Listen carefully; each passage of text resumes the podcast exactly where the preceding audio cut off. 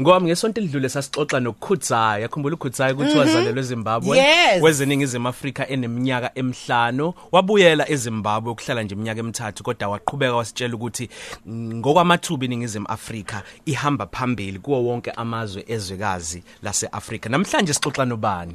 Namhlanje sikhuluma noAmando Ngadu owaphuma eDemocratic Republic of Congo. Amando somazi kakhulu ukuthi uyibusinessman aphinda abe imodel and futhi ushade neSouth African actress owumlingisi esimbiza ngokuthi uphinde igwale somkhulu kwi SABC2 isoaphi imubango njengononi. Amando Ngadu, such a great pleasure to have you on Ukhozi FM. Good afternoon. How are you? I'm good. I'm good. How are you? So man, tell us, um, DRC, South Africa, married to a South African. Give us the lowdown. How did the, all that happen? How long have you been in South Africa? Well, I'm actually from uh, the DRC, Democratic Republic of Congo, and I've been in South Africa for I think about ten years now. So, so yeah, things have been quiet. Well, uh, I, I'll put it that way. We had our ups and downs, but yeah, ten years in South Africa hasn't been all the way flowers and stuff. So we had our downtime. Coming up also been hard, but yeah, I got married to South African woman, as you can say, my queen, Pindile Gwala. She's now Pindile Ngandu, and uh, yeah, I love it. I love it. There- There's a lot in SA that I actually love, and uh,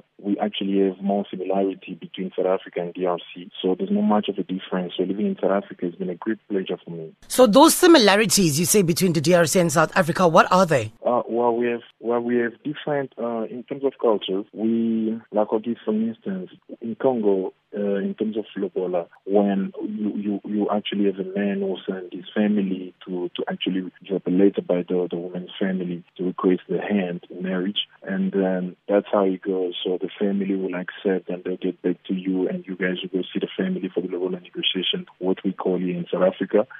So we have actually something similar when it comes to Lobola, first of all, and also the way the way uh, our lifestyle. Our lifestyle is basically the same. When you go to DRC, you find mothers selling stuff on the street just to put on food on the table because of the high unemployment rate, which is in, in DRC. Which when I come here, also actually kind of like so the same thing when I went to the township. Lifestyle is almost the same. So th- there are quite a lot of things we can we can actually relate in terms of lifestyle in Congo and in, in South Africa. But South Africa has, has has a huge actually impact in Africa because of its development. It's actually very developed in terms of the constructions, the, the economy, and the political views and the education. But apart from that, when you travel to DRC, you realize the life almost the same. People people work from the morning to to to get to their jobs. People come back late at night. You see kids on the street playing. Life is basically almost the same. Huh? uAmando uyachaza ukuthi uneminyaka eyishumi lokafika eningizimu Afrika uthi kube nezikhathi ezimnandi kanye futhi nezikhathi ezinenselelo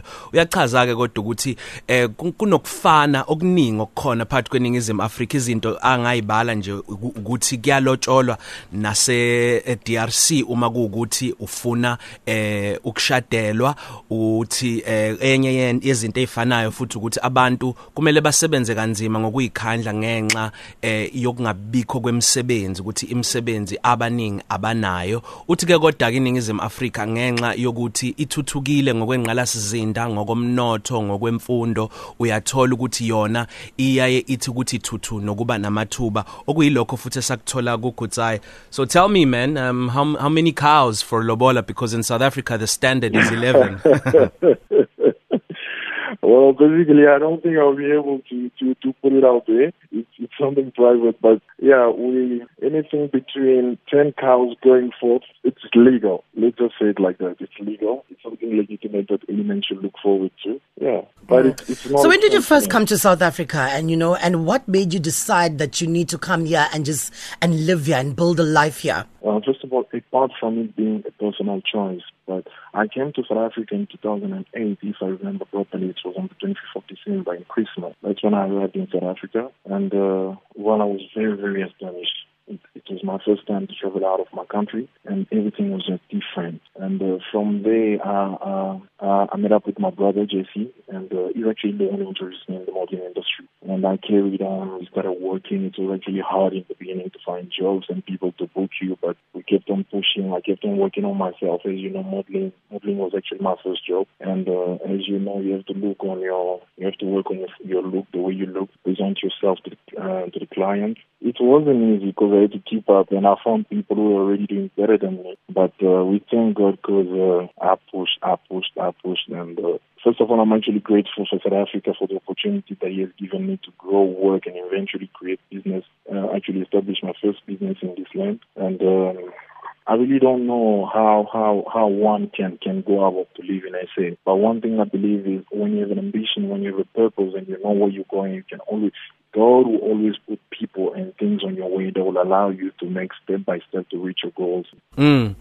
Amanda uchaza ukuthi wafika eningizimu Afrika ngo2008 uthi izathu zingaphezulu nje kwezathu ezimthinta yena njengomuntu kodwa khona nezinye futhi uthi uyalibonga kakhulu ithuba lokuze eningizimu Afrika ngoba iningizimu Afrika yamnikeza ithuba lokuthi akwazi ukuqala ibhizinisi lakhe lokuqala.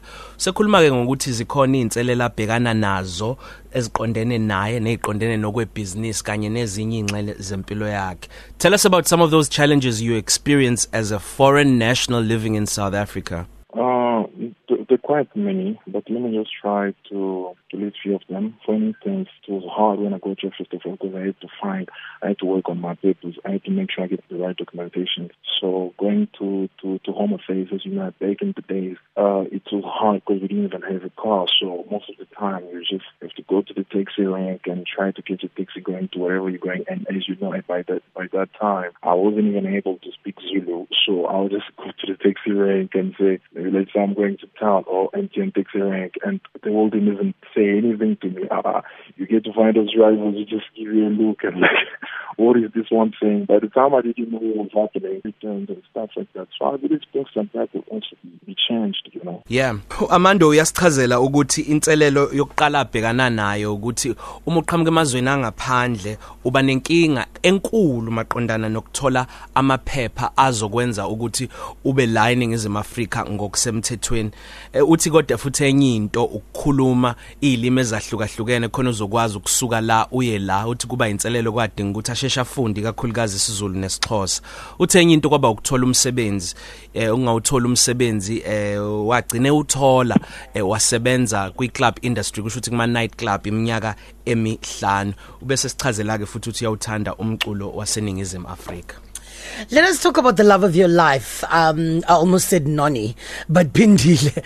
Um, where did you guys meet? What happened? How long did it take for you to tell her how you feel, and how long was the, um did she take? Uh, the, okay, the turnaround time for her response. Uh, we, we, we, we actually met in uh, in Rosebank, uh, to be precise. We met in Rosebank. We she was a bit reluctant to speak to me. I, I always say that story. I, I think I've told this story over millions times. Uh, she was a bit reluctant, and at the time, I didn't even know she was on TV. To me, she was just this beautiful woman that I saw in front of me, and I wanted to speak to her, but she gave me a hard time. And then she left. I think about a week ago, a friend of mine came back to me and spoke to me like, "Oh, Armando, did you try to speak to a friend of mine?"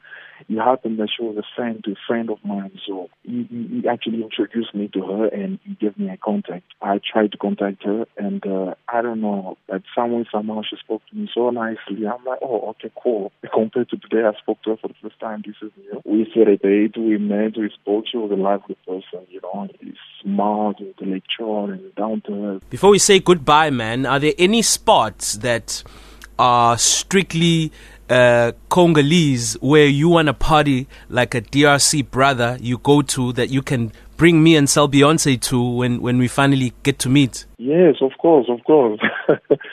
Though I haven't been in my country for quite a long time, I still remember and I, I get news from people there's a place called Capella, which is close to, to, to where I grew up. It's called Capella. The street is full. I can compare it to one of the streets in South Africa in Purchase. I don't know if you guys know Purchase, but Purchase is one of the streets that has so many restaurants. If you go to Capella, you don't have to go to any specific restaurant. You will find the street full. The vibe is perfect. You will enjoy it. Like on a Sunday under the trees, you're gonna have a great time. They, they make something called chicken mayo. chicken mayo is kind of like chicken with mayonnaise. But the way they cook it is just amazing. Amando, it's been a great pleasure talking to you, my brother. Thank you so, so much. Thank you, Amando. Thank you, Thank you so much. Have a great day. happy Goodbye. thursday bye City Cafe. Ilunch yakho ayifani neyizolo.